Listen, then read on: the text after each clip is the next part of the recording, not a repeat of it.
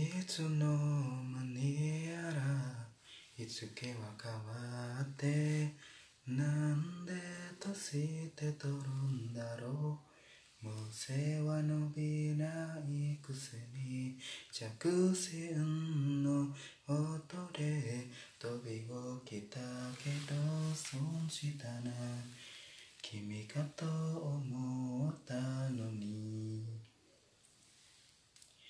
何かの手違いで好きになってくれないかな。どうにも君のいない場所は空気が薄くてさくだらない話は思いつくのに。君を抱きしめているよだけが見つからない。ああそうか。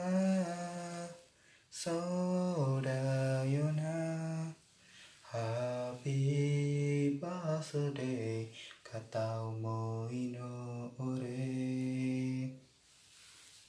うんふんふんふんふん。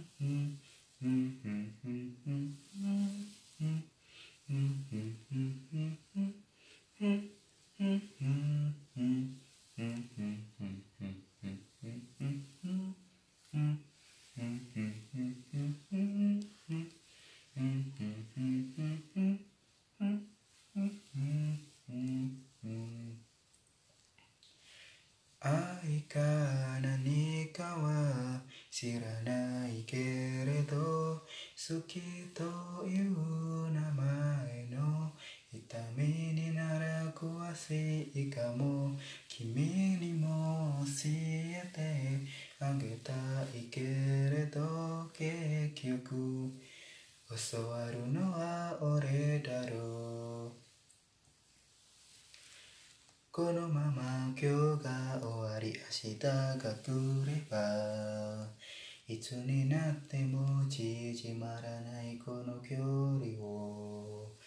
駆け引きにも砂息にもならないやりとりを。もっと単純な名前で呼んであげられるよ何一つ終われないけどつまらない言葉の繰り返しで筋妻もきっと当てない物語の続きに独りよがりの毎日にハッピーバースデー君に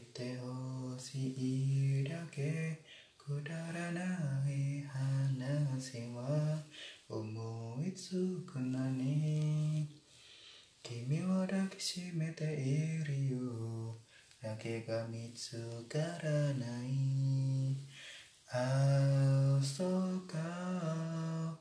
そうだよな。ハッ